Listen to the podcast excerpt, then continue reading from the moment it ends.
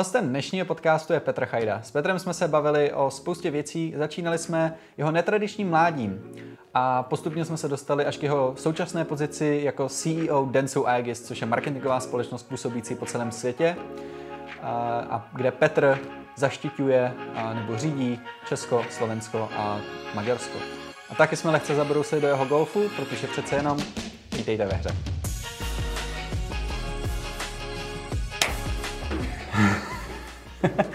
Čau Petře, díky, že jsi přijal Ahoj. pozvání. Díky, že jsi přijal pozvání do podcastu ve hře. Já tě u nás vítám. Uh, jak se známe? Známe se z Černého mostu.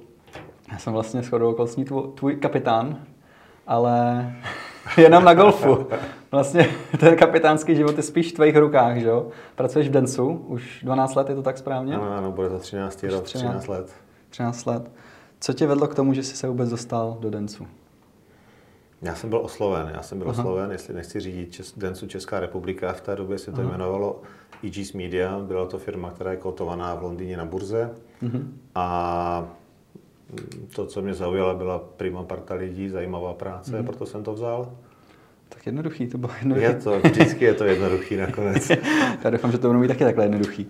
Ale aby jsme se za, za, začali, aby jsme se vrátili úplně na začátku, kdo vlastně Petr Chajda je. Ty jsi studoval eh, v Česku eh, na VŠE, je to tak?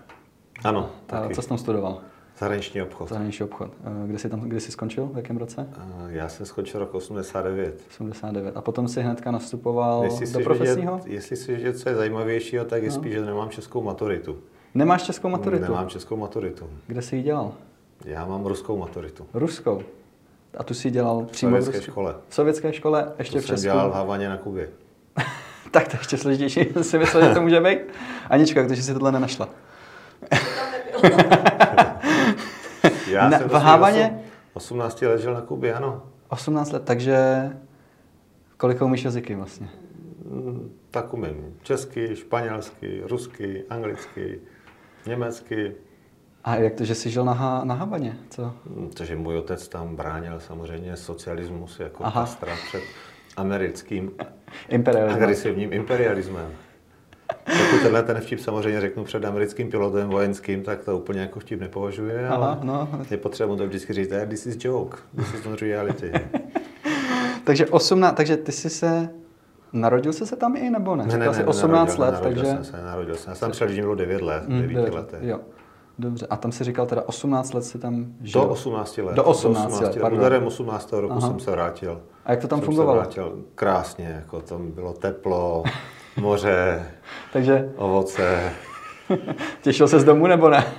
No vlastně ty ani nevěděl, co je doma vlastně. já, ne? jsem, Možná. já když jsem přijel domů, já jsem měl určité problémy s českou realitou vlastně, Aha. protože jsem nevěděl, co je co, nevěděl Aha. jsem, jak se nastupuje do autobusu třeba, já jsem nastupoval předními dveřmi, tady mě Ano. hnedka vykopli, že jo, protože se nastupuje zásadně s prostředními a zadními a Aha. takové jako drobnosti, no ale to se člověk naučí postupně. Ty už to zvládáš teďko. To už zvládám, no. Jsem tady za dlouho, jako. Už jsem se počistil, počistil. No a teda ještě k té maturitě, eh, tam si dělal českou maturitu nebo Nedělá, ruskou nedělá, maturitu? no, teda? ruskou, ruskou, ruskou. Takže no, tam byla ruská škola. Ano, ano. Ta, ta sovětská maturita je zajímavá v tom, mm-hmm. že se nedělá ze čtyř předmětů, Ano. ale dělá se asi z desíti. A ty jsi mohl vybrat ty Ne, ne, předměty, ne, ty jsou pevně daný. Jako. Museli mi všichni stejně vlastně. Ne, ano, ale největší výzva, já se hrozně V mluvám, pohodě. Eh, mě bude stále někdo volat, takže já to... Hele, Míšo, nemůžu, zavolám ti, jo? Uh, tam já to stiším, protože těch telefonů v bude víc. Ta největší výzva byla maturita z předmětu zvaný automobil. To znamená, to bylo o čem? To bylo, to bylo, to se v rámci vojenské přípravy se musíte naučit ovládat automobil. My jsme jezdili se Zilem 131, nevím, jestli si to někdo vybaví, ale to je velký nákladák, 3,5 tuny zhruba. Mm-hmm. Tak tím jsme jezdili na vojenském jako poligonu. No a zároveň musíte umět ten automobil popsat, rozebrat a tak dále. No a v ruštině to úplně nebylo to nejjednodušší, že jo? A teďka z tohohle děláte maturitu, to znamená všechny ty že jo, hřídele a tak dále, jako pojmenovat rusky není úplně jednoduchý, no. Jak dlouho ses na to učil? No, já jsem naštěstí si vybral lehkou otázku. To znamená, co byla lehká? To znamená, dostal jsem podle mě akumulátor, mm-hmm. což bylo jednoduchý, protože to byla chemická reakce, něco podobného, co je v chemii. Byť ta chemie taky není jednoduchá, to byla první věc a pak jsem dostal spojku. Takže jsi to asi zvládnul jednoduše. Ve spojce Krásně. bylo, tam si musel jenom popsat, jak se mění. Krásně. Jako spojku, akumulátor, perfektní. Výborně. A co byly další předměty, nějaký další fanč? Chemie, fyzika, matematika, sovětská literatura, pak to, no, no, no, no, no. Jestli se, já si to nepamatuju, hrozně dávno. Jako to No bylo. jasně. No a tady, potom jsi se vrátil do Česka. A pak jsem nastoupil na vysok... no, no, to ještě tak nebylo. Já jsem, já jsem ještě rok eh, vysoké školy absolvoval na Kubě. V A tam studoval? škole. V kubánské škole, tam jsi studoval co? A tam obor? jsem v té době jsem se rozhodl, že se budu věnovat sportu, tam jsem studoval tělocvik. Tělocvik. Co tě k tomu Ano. vedlo? Dělal jsi už v té době sport? No, vedlo mě k tomu to, že ta škola byla vzdálená hrozně daleko od mého domova. Zajímavý důvod. Takže protože, protože ekonomka byla asi dva bloky ode mě, tam se mě nechtělo, protože bych byl hodně pod kontrolou, takže já jsem si zvolil tu školu, která byla hodně vzdálená z domova. Co tě k tomu vedlo? Nechtěl jsi No, být u rodičů? protože Nechtěl jsem jsi být ten dozor? Chtěl jsem, nechtěl jsem mít ten dozor, a chtěl jsem opravdu se stát tím reálným Kubáncem jako, a tím člověk jak, jako opravdu musel jako z toho domu vypadnout, tak, tak, tak splynul. Taky součást hry, no. v té Veli, době. velice zajímavý, velice zajímavý. No. Vrací se někde na Kubu teďko? ne? Eh, Ne, ne, ne, já jsem byl naposledy v roce 2000, kdy to bylo 7, 8, mm-hmm. 6, nějak tak. Ne, ne, na, na té Kubě bylo zajímavé v podstatě to, že se nevědělo, jakým způsobem se ta země bude vyvíjet. Buď tam bude, buď to bude, řekněme, čínská cesta, to znamená komunistická strana, která se jakkoliv bude jmenovat, že jo, převezme moc generálové, začnou řídit, nebo tam bude občanská válka, to asi nebude, protože samozřejmě Kubánci, kteří jsou na, v Miami, tak nemají zájem bojovat, eh, tak jako jejich, eh, řekněme, generační předchůdci eh, v zátoce Sviní, Playa Chiron, že jo, španělsky, no. A takže ten vývoj je tam v podstatě, řekněme, takový stále mocensky stejný, to znamená ta určitá skupina lidí, co se zmocnila, zmocnila té, té země v roce 59, tak teďka nějakým způsobem předal další generaci a, a odchází, ale, ale nějaké revoluční změny tam nebudou dalšího charakteru. Mhm, jasně. Ale to je komplikovaná otázka poměrně teda. To to nemusíme rozebírat. To nemusíme rozebírat určitě. No takže potom si se, rok si studoval tam, a pak si se vrátil do Česka, nebo Pak jsem se to vrátit, vrátil no? do Česka, pak jsem se vrátil do Česka, byl jsem 24 roky, byl jsem i na vojně dokonce a pak jsem odjel do Španělska. A co si dělal ve Španělsku? Ve Smačku jsem studoval. Tam Studoval na jsem Madridu. diplomatickou akademii. A to si studoval uh, navazující studium? A nebo to bylo? To jsem studoval diplomatickou akademii, mm-hmm. protože nám dala španělská vláda stipendium. Já jsem na to stipendium tam byl rok. Nejzajímavější náš spolužák byla, byla, byla Isabel Sartorius, což v té době byla uh, přítelkyně dnešního španělského krále.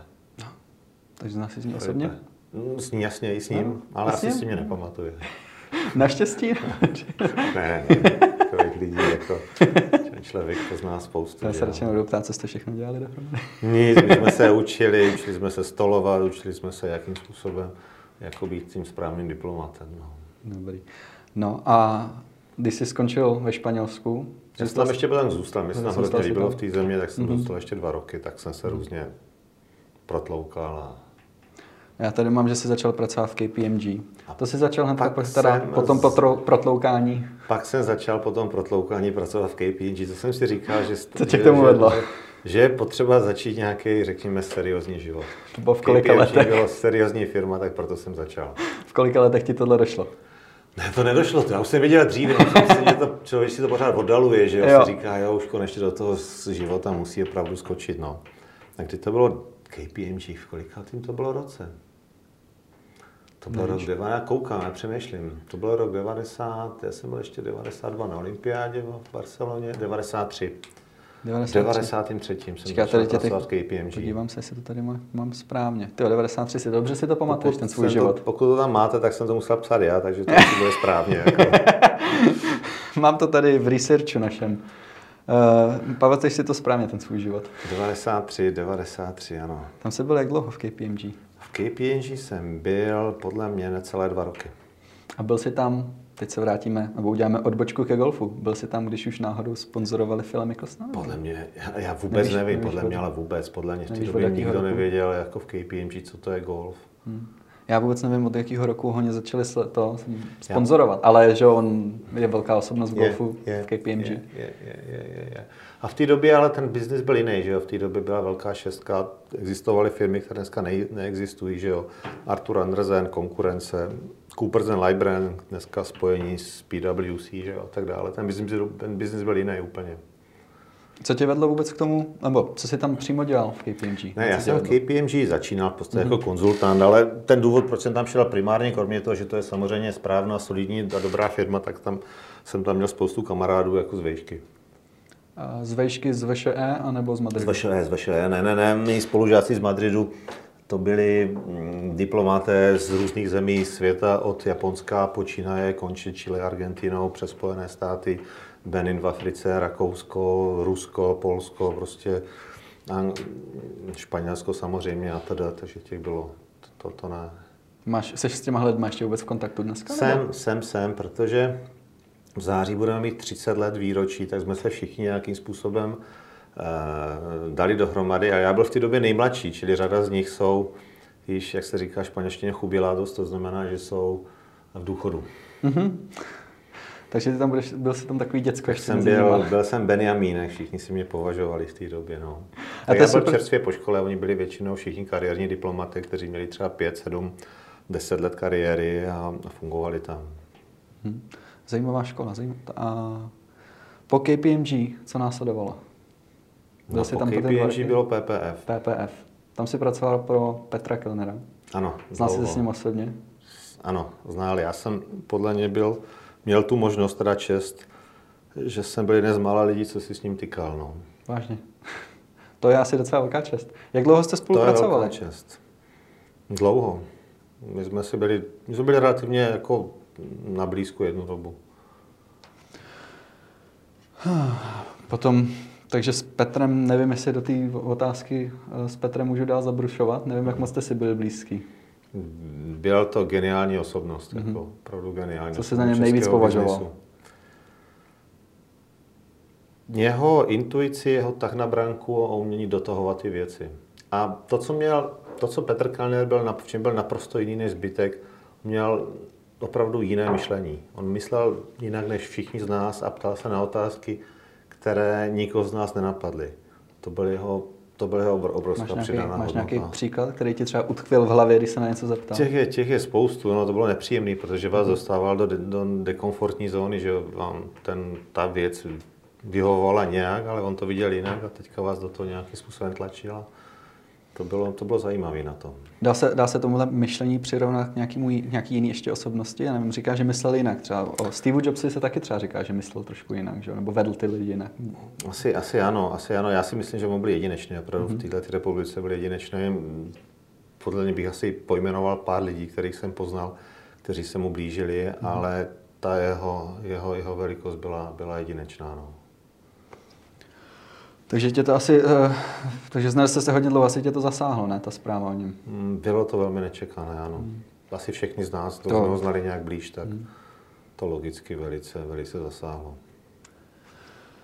Určitě to někdy, nikdo to asi neslyšel rád samozřejmě. Eh. Ne, byla to. Já myslím, že to byla obrovská ztráta hmm. pro rodinu. Já jsem kondoloval hmm. samozřejmě Renatě, myslím jeho manželce, hmm. nebo všem, všem známým, ale byla to obrovská ztráta samozřejmě pro ně ale myslím, že i pro Českou republiku jako takový pro biznis to byla obrovská ztráta. Mm-hmm. Protože to byl člověk, který uměl opravdu myslet globálně a měl jedné jak, jak se Spojenými státy, tak i s Čínou, mm-hmm. případně s Ruskem. Mm-hmm. Takových lidí je velice málo. Co, tě, co se nejvíc, co je ta nejdůležitější věc, kterou se od něj naučil? Asi jich bude spousta samozřejmě. On mi vždycky říkal, on mi vždycky říkal, ať to neberu nějak vážně, že to je všechno hra.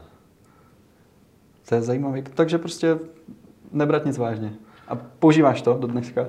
No, když je člověk hodně ve stresu a teďka si ty věci hodně bere, tak si říkám, jak si na něho vzpomenu a říkám si, no, to je pravda. Vlastně on mi říkal, ale je to hra. Měl k tomu nějaký hlubší důvod ještě, proč to tak říkal? A... Jsi to někdy vysvětlil? To nevím, jako, ale já si myslím, že obecně ho hrozně bavilo jako tak neustále, jako opravdu si i hrát. Mm-hmm. Někomu třeba to mohlo být nepříjemný, ale pro něho to byl nějaký souboj. On se byl schopen dohadovat o tisíc korun stejně intenzivně jako třeba o 100 milionů. Musí být zajímavé vyjednávání s ním teda v tom případě. Velmi obtížné. Jak dlouho tak trvaly nějaké vyjednávání s ním? Velmi obtížné, to je různý. Uh, takže pro něj se pracoval velice dlouho a my jsme zjistili, že jsi byl i chvilku v Moskvě. Uh, ano. A pracoval. A to jak bylo dlouho pro... ta chvilka pro vás znamená, je, je Chvilka? nebo dlouhá? Chvilka nevím, jak byla dlouhá. Kolik jsi tam byl přesně? Do...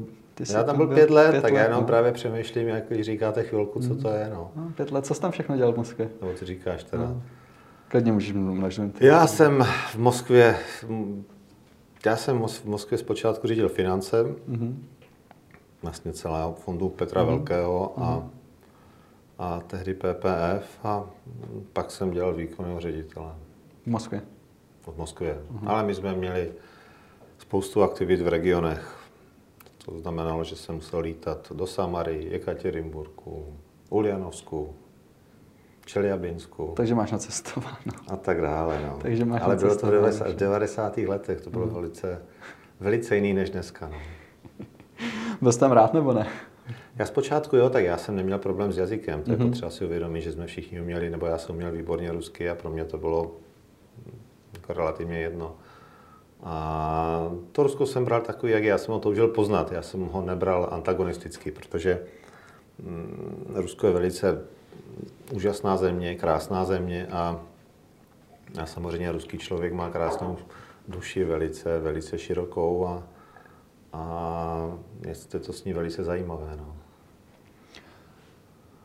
To rozhodnutí být v Moskvě, bylo to tvoje, nebo to, moje, nebo moje, to moje, šlo od moje, někoho moje, jiného? Moje, moje, moje. A potom, to, a potom se vrátit zpátky do Česka? Já jsem chtěl do Moskvy proto, protože mě to lákalo zase někam odjet z zahraničí, že já jsem celý život prožil v zahraničí, takže jsem si říkal, OK, zase musím někam jako někam odjet a chtěl jsem někde být a to byla doba, kdy si uvědomíte, že do České republiky přicházely zahraniční firmy, zahraniční lidé, všechno. Já jsem si říkal, no a proč žádná taková ta česká firma nejede nikam ven? No a potkal se Petra Kellnera a Petr říká, hele, já chci ten svět dobít. No říkám, já taky. Tak já ti pomůžu v Rusku, protože to umím. No. A v té době samozřejmě to Rusko bylo pro ně velice zajímavý. Stále, jak kdyby samozřejmě je pro, pro PPF. -ku. Jaký tam má vlastně největší aktivity PPF v Rusku? Jeda, to už teďka nevím. Nevíš. To je potřeba to už je dávno. PPFky. No. To už je něco jiného. To už je mimo tebe. Úplně. No a po zkušenostech v PPF, tam si pracoval jak dlouho přesně? Si to pamatuješ? Tak, pokud se dá říct si PP, vlastně všechny ty skupiny dlouho, to bylo do roku 2006-2007 mm-hmm. nějak. My jsme zjistili, že jsi studoval MBA ano. vlastně po, po Moskvě nějak. V Irsku, v Irsku jsem byl unavený no, mm-hmm. z toho Ruska. A to si studoval, že jsi přiměl do Irska, nebo to dálkově? Jo, jo, já jsem si prostě našel Irsko, protože Irsko je svým způsobem podobný jako, nebo Irsko a irský národ je podobný jako Čechům. Když si to nad tím člověk zamyslí, tak no, je tam myslíš? spousta eh, podobných, řekněme, rysů. Tak za první Irové mají hospodskou kulturu stejně jako my. Oni jsou dvojka nebo trojka, co se týče spotřeby piv na hlavu. Dále je to malý národ, stejně jako my. Je to národ, který má komplex z většího národa. My máme Němce, oni mají své Angličany. To je, to je další věc. To, co nás odlišuje, že jsou religiozní. My jsme samozřejmě tu víru ztratili po bitvě na Bílé hoře. A to, co nás odlišuje dále, je, že oni ztratili svůj jazyk. My jsme ho nestratili, čeština stále je. Což je taky důsledek Bílé, Bílé hory. Možná, že by to bylo jinak, kdyby tady zvítězili, řekněme, protestantské stavy. No, a tam takže, si... A říkal jsem si, jo, Jirsko je něco, kam jsem, kde se mi bude líbit, tam pojedu. A líbilo se ti? A líbilo se mi, v Dublinu bylo perfektně. Jak dlouho jsi to studoval? Rok, rok, rok, rok, jenom, rok, rok. No, no, to je roční, jenom ten kurz. Jako, no, no, v Americe je to dva, v Evropě je to rok. Jo. Um, proč jsi vlastně, chtěl jsi vlastně jenom odpočinout, ale přidalo ti to něco to MBA? Nebo naučilo tě to něco? Já jsem si chtěl odpočinout, chtěl jsem být někde jinde. A primárně jsem si chtěl odpočinout, teda opravdu jsem si chtěl odpočinout. No úplně se mi to nepodařilo, protože samozřejmě, když jste někdy s Petrem Kellnerem, tak vás ukoluje, když jste na MBA, ale tak to je, no. Takže on v tom byl nějak zaangažovaný v tom tvém studiu, že eh, ti v tom pomáhal? Nebo, ne, ne, ne, já jsem si to celý financoval, financoval všechno sám, sám jako já jsem nechtěl, aby někdokoliv financoval, mm, ale spolu, ta spolupráce pokračovala i, i při tom mm. studiu. Mm, takže jsi měl pořád full-time job a k tomu studiu, de facto. Měl jsem stále nějaké úkoly, ano. Takže příspěvky si žádný nedostával. Uh, mluvení o příspěvky. Uh, já jsem o tobě našel, že jsi investor. Někde jsi popsaný jako investor. Do čeho investuješ? Já už do ničeho, maximálně do, do cihly a do, do půdy. Do půdy jakože do nemovitostí, myslíš? Nebo... Uh, jedině to. Jinak nejsem investor, ne, ne, ne. Takže to není žádný velký. Našel jsem, našel jsem tě tam právě pod, že jsi CEO a investor. Ale... A kde, jak dlouho investuješ do nemovitostí? Hmm. Myslíš půda, jakože Od kupuješ, svého života, kupuješ jak máte jako... vlastní byt, tak Aha. investujete do, do nemovitostí. To, to, už to, je, to tak bere, jo? To už, je, to už je investor do vlastní. To je investor do vlastní nemovitostí. Jo, tak to jsem, takhle jsem to ne, nebral. Já vím, ale hmm. ne, nemám to jako nějakou Jasný. živnost. Není to jako živnost. Takže primárně vlastně jenom dencu, no jenom v uvozovkách jenom, no to bude plná práce.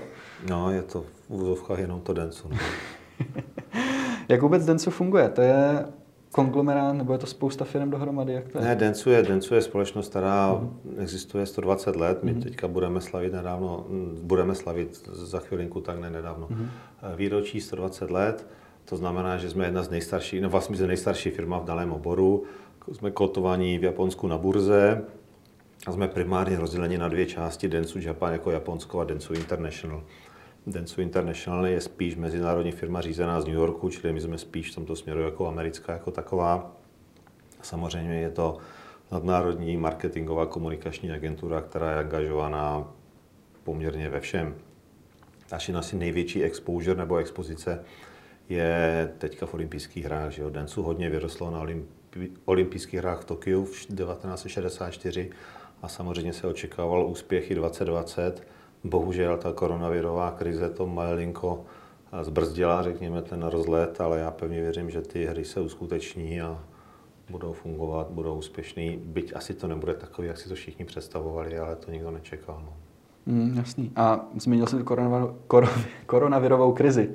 Jaký to mělo důsledek nebo dopad na Tensu, na váš Já si myslím, že to, že to všechny v podstatě zasáhlo nějakým způsobem. Takhle, my máme odvětví, no, máme klienty, které to zasáhlo. Vemte si letecký průmysl, my máme klienty KLM, Air France, jo, řadu leteckých společností, tak to logicky zasáhlo neuvěřitelným způsobem. Na, na druhou stranu retailový sektor, který máme taky velmi zastoupen v portfoliu, tak naopak rostl. Stejně jako e-commerceový sektor. Čili no, se to nějakým způsobem vyvážilo, nám se podařilo naopak získat nové, řadu nových klientů, čili si myslím, že ta krize byla relativně jako, jako úspěšná a nicméně samozřejmě není to něco, co, bych, co asi by bylo pro všechny uh, nějak příjemný. My jsme se naučili, my jsme se naučili řadu věcí, my jsme během podstatě jednoho dne museli opustit kanceláře, začít pracovat z domova, to znamená, že ten systém té práce asi pro všechny se neuvěřitelně změnil. Uh, já osobně si nemyslím, že to je že to je dlouhodobě udržitelný, aby byli všichni logicky na home office. Tady je potřeba říci, že nejlepší asi bude nějaký hybridní model, protože my prodáváme primárně myšlenky a ty myšlenky nevznikají, takže sednete doma za stůl a koukáte, nebo někdo kouká do, do monitoru a teďka něco vymyslí, jako při té vzájemné interakci, při nějaké debatě, jako se vytvoří řada nových věcí a to si myslím, že je naprosto klíčový. Čili jestli bude nějaký model, kdy budou lidé tři dny v práci, dva dny eh, doma vyplňovat, já nevím, reporty nebo cokoliv, pak je to asi něco, co, co, co tu budoucnost eh, bude lemovat tímto způsobem. Ale je to, je to pro nás, řekněme, pro kancelářské, řekněme, pracovníky, jako v momentě, že někdo z výroby nebo pilot dopravního letadla, tak asi ten bude ovládat z domova. Jako, to, je mi to naprosto jasný. Musel být jak ten dron, jako, že to letadlo fungovat, což asi Tak dá se to no. ovládat na dálku, ale asi to není ideální, když to máš 250 ne, no, lidí. Tam sedí, přesně tak, když tam sedí tolik lidí, tak to úplně není jako úžasný. No. No a ty mluvíš teda o nějaký změně na hybridní, eh, hybridní uh, systém. Jak, jako manažer tady nebo CEO vlastně, jaký, jak moc velký vliv máš ty na to říct těm lidem, co teda budete dělat? Nebo mluvíš my, s lidma? My, my, no, já právě nechci, aby to znělo tak, že člověk něco přikáže a teďka mm-hmm. to bude. Čili my jsme vytvořili proto pracovní skupinu, protože my jsme opravdu tady konglomerát jako velkého množství firm, které, jsou, které mají trošku lehce jiný, jako ne, ne scope of the work, jako ne, ne, co děláme, ale způsob práce. To znamená, některé týmy se chtějí vydat více, jsou jiné týmy, které se chtějí vydat méně. A teďka jsme vytvořili prostě pracovní skupinu skrz celý holding a, a v podstatě řešíme, jak by to bylo nejideálnější. My jsme vytvořili dotazník, v tom dotazníku jsme se ptali lidí na řadu věcí, jak dlouho by chtěli, kde by chtěli a tak dále. A vypadá to, že některé týmy chtějí v podstatě být víc práci, někteří méně práci. Řešíme to, jestli je nutné, aby všichni měli své konkrétní pracovní místo, nebo jim stačí takový ten model, někam přijdu a někam si sednu, jako, jako šerovací. Ale, ale vypadá to u nás, že ta, ta vazba na, ten, na to konkrétní pracovní místo je poměrně velká, čili by všichni nějakým způsobem chtěli mít to svoje místo. A zároveň home office, což je poměrně, řekněme, relativně dražší varianta, ale pokoušíme se to nějakým způsobem dát dohromady, co se týče toho, co se týče prostoru. My jsme si sem nastěhovali naši sesterskou firmu, takže nás tady teďka 350 v těch prostorech, což je docela hodně. No. Já jsem zapomněl zmínit vlastně, že jsme u vás v kancelářích. Děkujem, že jsi nás tady pustil. Je to tak, je to Rekonstruujete, tak. co tedy děláte za rekonstrukci teď? A rekonstruujeme, stavíme další zasedačky, protože jsme zjistili, že zasedaček je málo, lidé se chtějí jako neustále setkávat Eh, mluvit a zároveň my jsme měli víc systém, řekněme, otevřeného, to znamená office spaceu a v momentě, pokud máte řadu kólů, řadu konferenčních hovorů, pak to není úplně komfortní. Byť s těma sluchátkama se to dá, ale není to úplně ono. Je to důsledek právě teď toho koronaviru, nebo už jste to řešili předtím? Uh, my, jsme, my jsme ten nedostatek cítili už i předtím a teďka se to jenom urychlilo. Mm-hmm. Jo, to, to si myslím si, že je to, ty firmy to řeší jinak, ale mm, takhle já si, já si myslím, že opravdu, opravdu budou teďka tlaky, buď se lidé vrátí zpátky do kanceláří, buď naplno nebo v nějaký hybridní moment, jako modelu. Nevěřím, že, že ten home office dlouhodobě vydrží, protože prostě potřebujete mít ten sociální kontakt, interakci, povídání si, není to ono. No, jak říkáš, vznikají, lepší nápady vznikají v týmech, když se vidí. Hlavně vy tady máte, zkoušeli jsme několik prostorů tady na natáčení, že dneska, jako, vypadá to tady velice kreativně. Jednoznačně, no. Je jo. vidět, že jste kreativní společnost. Jsme, určitě jsme. Viděl jsem tam nahoře i nějaký schody, Teď nevím, jestli jsme na tom správném patře, kde jsou ty schody, možná jsou. Ty, ty schody jsou, vlastně spojují šestý mm. a sedmý patro, jo. jsou červený, že jo? Mm. takže my je často používáme, jo. že se tam lidi sednou, my jo. se vyprávíme, povídáme a tak dále. Je to, je, a dole, tam to nejvíte, my tam máme že jo, kavárničku, mám, tam se jí obídky, snídaničky, klienty zveme. Je to takové místo pro sociální, sociální interakci. No. Ne, to máme to hezky udělané. Mě to stalo rok života, tady tenhle ten organizaci tohohle všeho, ale nakonec to stojí za to.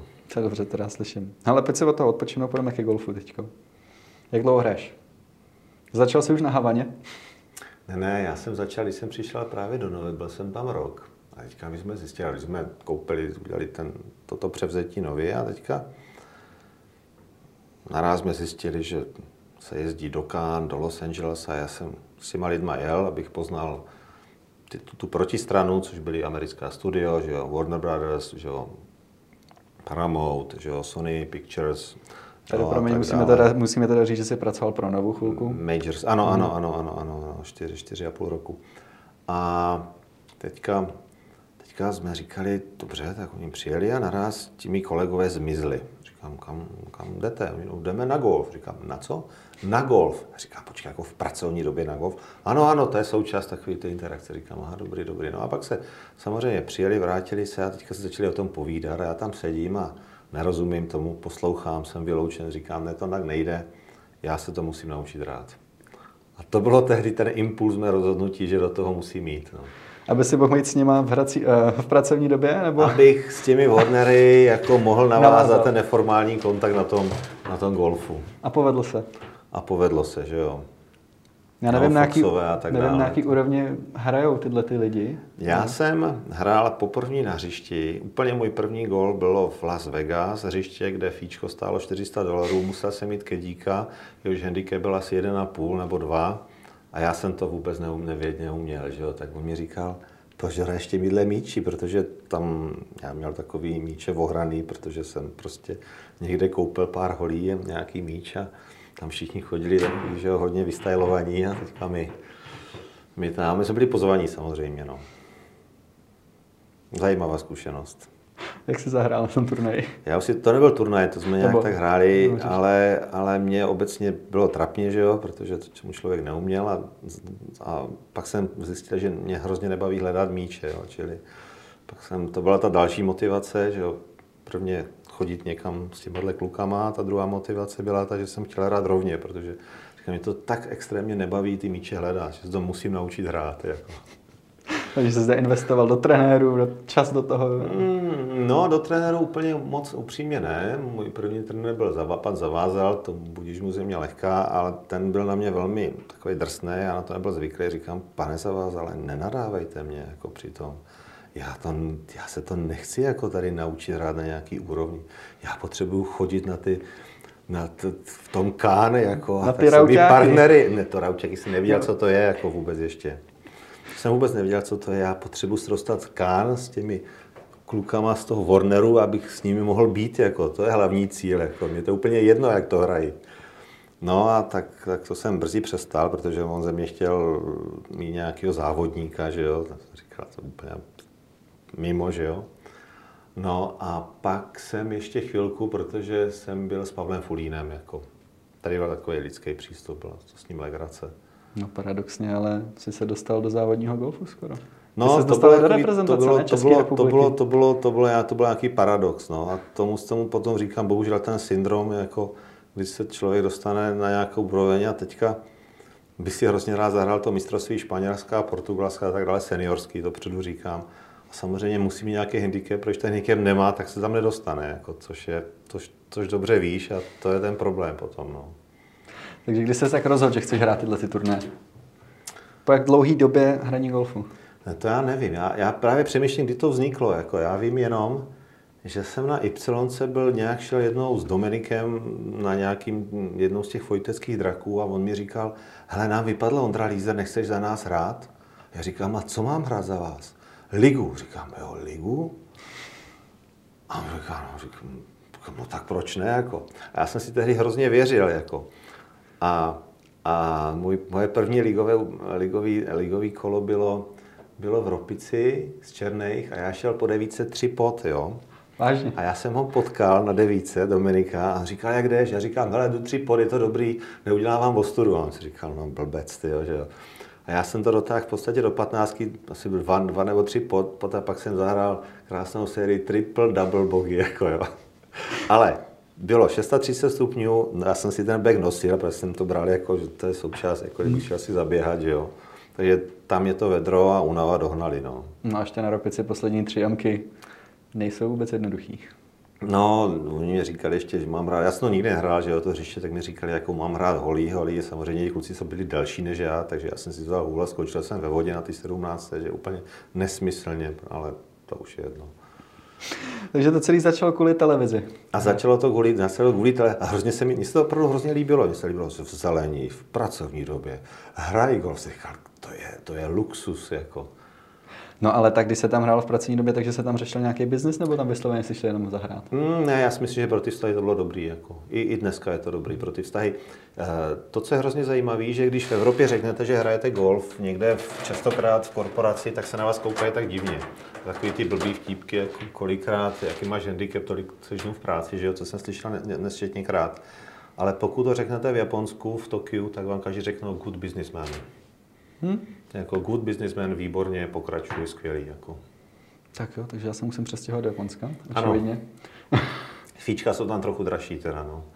Tak ale... musí, musí být teda good businessman, aby si udělal na ty fíčka.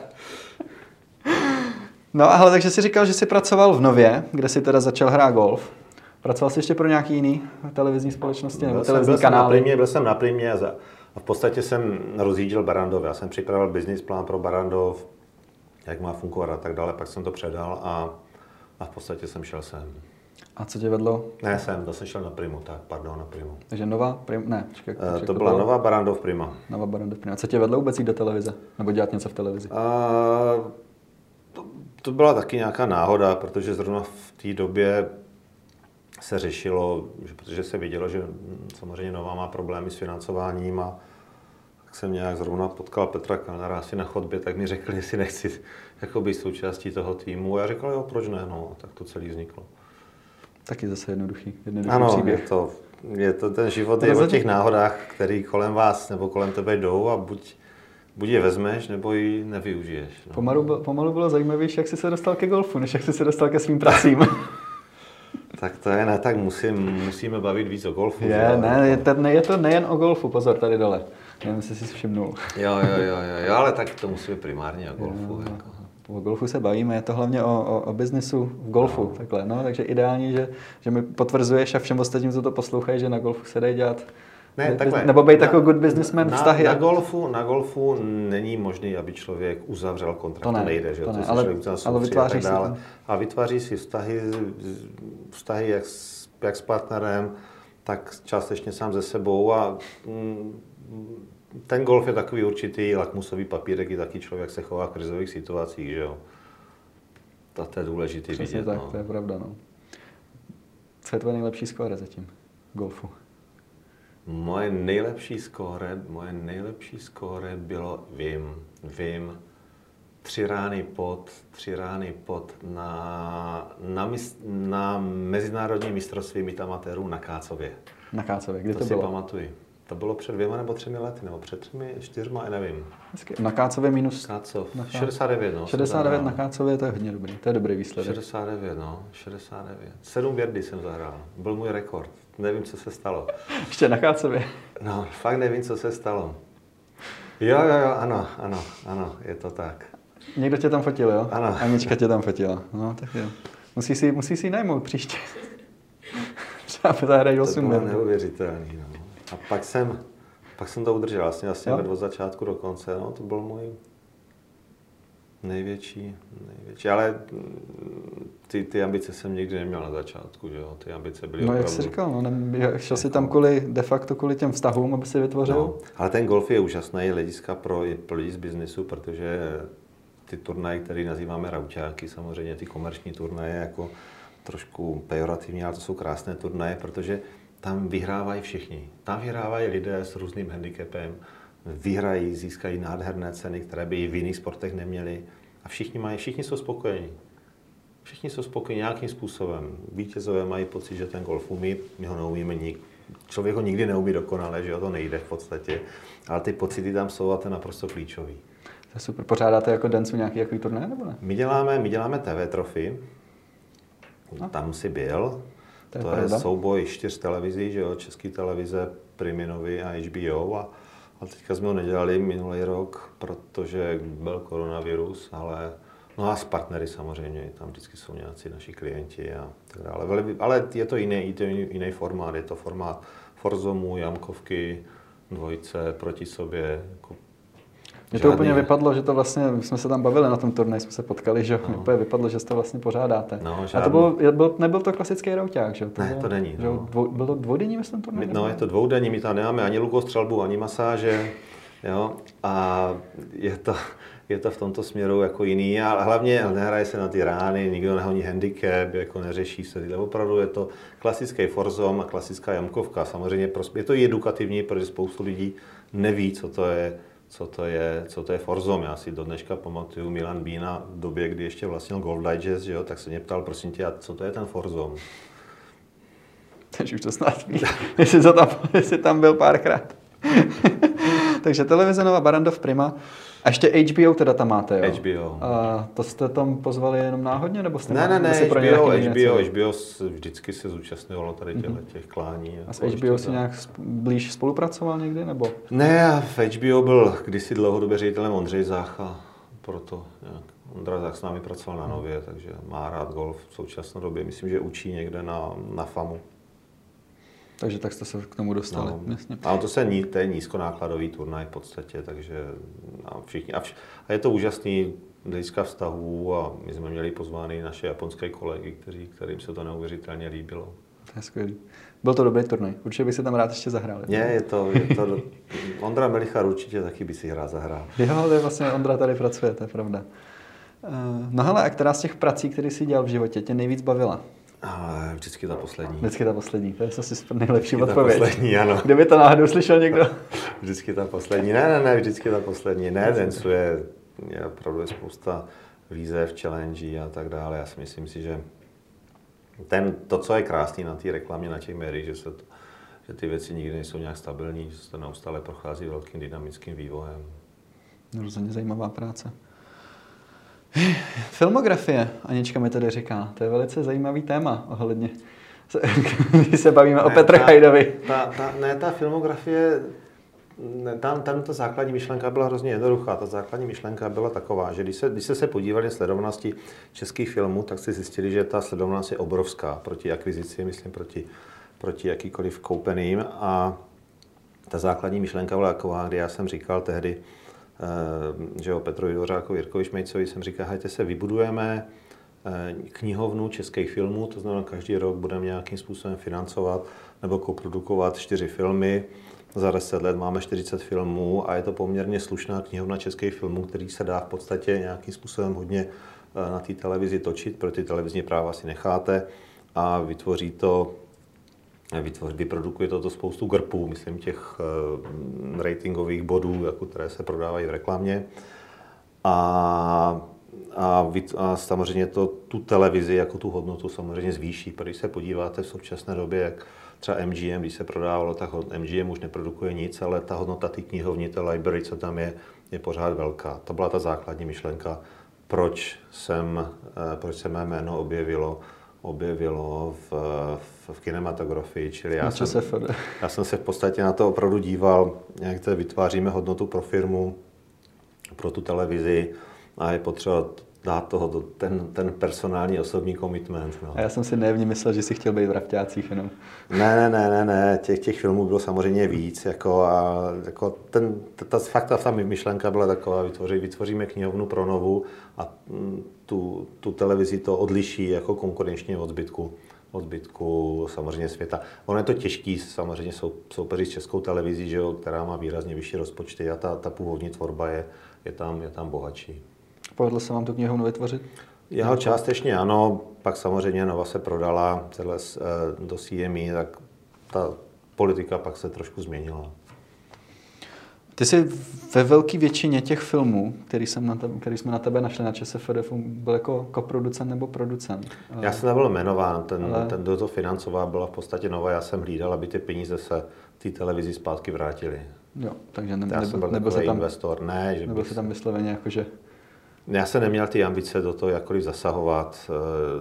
Ten film z mého pohledu měl jednou ambici, to znamená, měl divácký úspěch, sledovanost a tím pádem nějakou návratnost těch prostředků. Já jsem zatím nehledal to umění, byť si myslím, že, že řada lidí by asi říkala, jak to je, co je důležité a tak dále, ale pro mě to, byla, pro mě to bylo nějaký asset, nějaký aktivum, které, do kterého se investovali peníze, ale ty peníze se museli zpětně vrátit. Klasický biznis. Jasně, chápu. Ale, ale, ale zahrál jsi tam. Někdy jo, jako z legrace, ale mm, říkám, je to, tohle to je častokrát bráno v té umělecké branži, jako, že to úplně není jako správný, protože film je umění. Určitě je, já to nepopírám, ale pro nás to bylo pro nás to byl Měl jsi, šel si do toho s jiným cílem, vytvořit, jak jsi no, říkal, knihovnu a zvýšit vlastně hodnotu té firmy. Tak. No ale zároveň vznikly nějaký určitě dobrý filmy, Vratné láhvy třeba. Ehm, vratný láhve, tam jsme kupovali práva, to byla samozřejmě veškerá zásluha eh, Honzi Svěráka, že jo. Já jsem tam pak jenom jel na kole. Jako. A dostal jsi se teda do nějaký užší spolupráce s těmi velkýma jménama, předpokládám?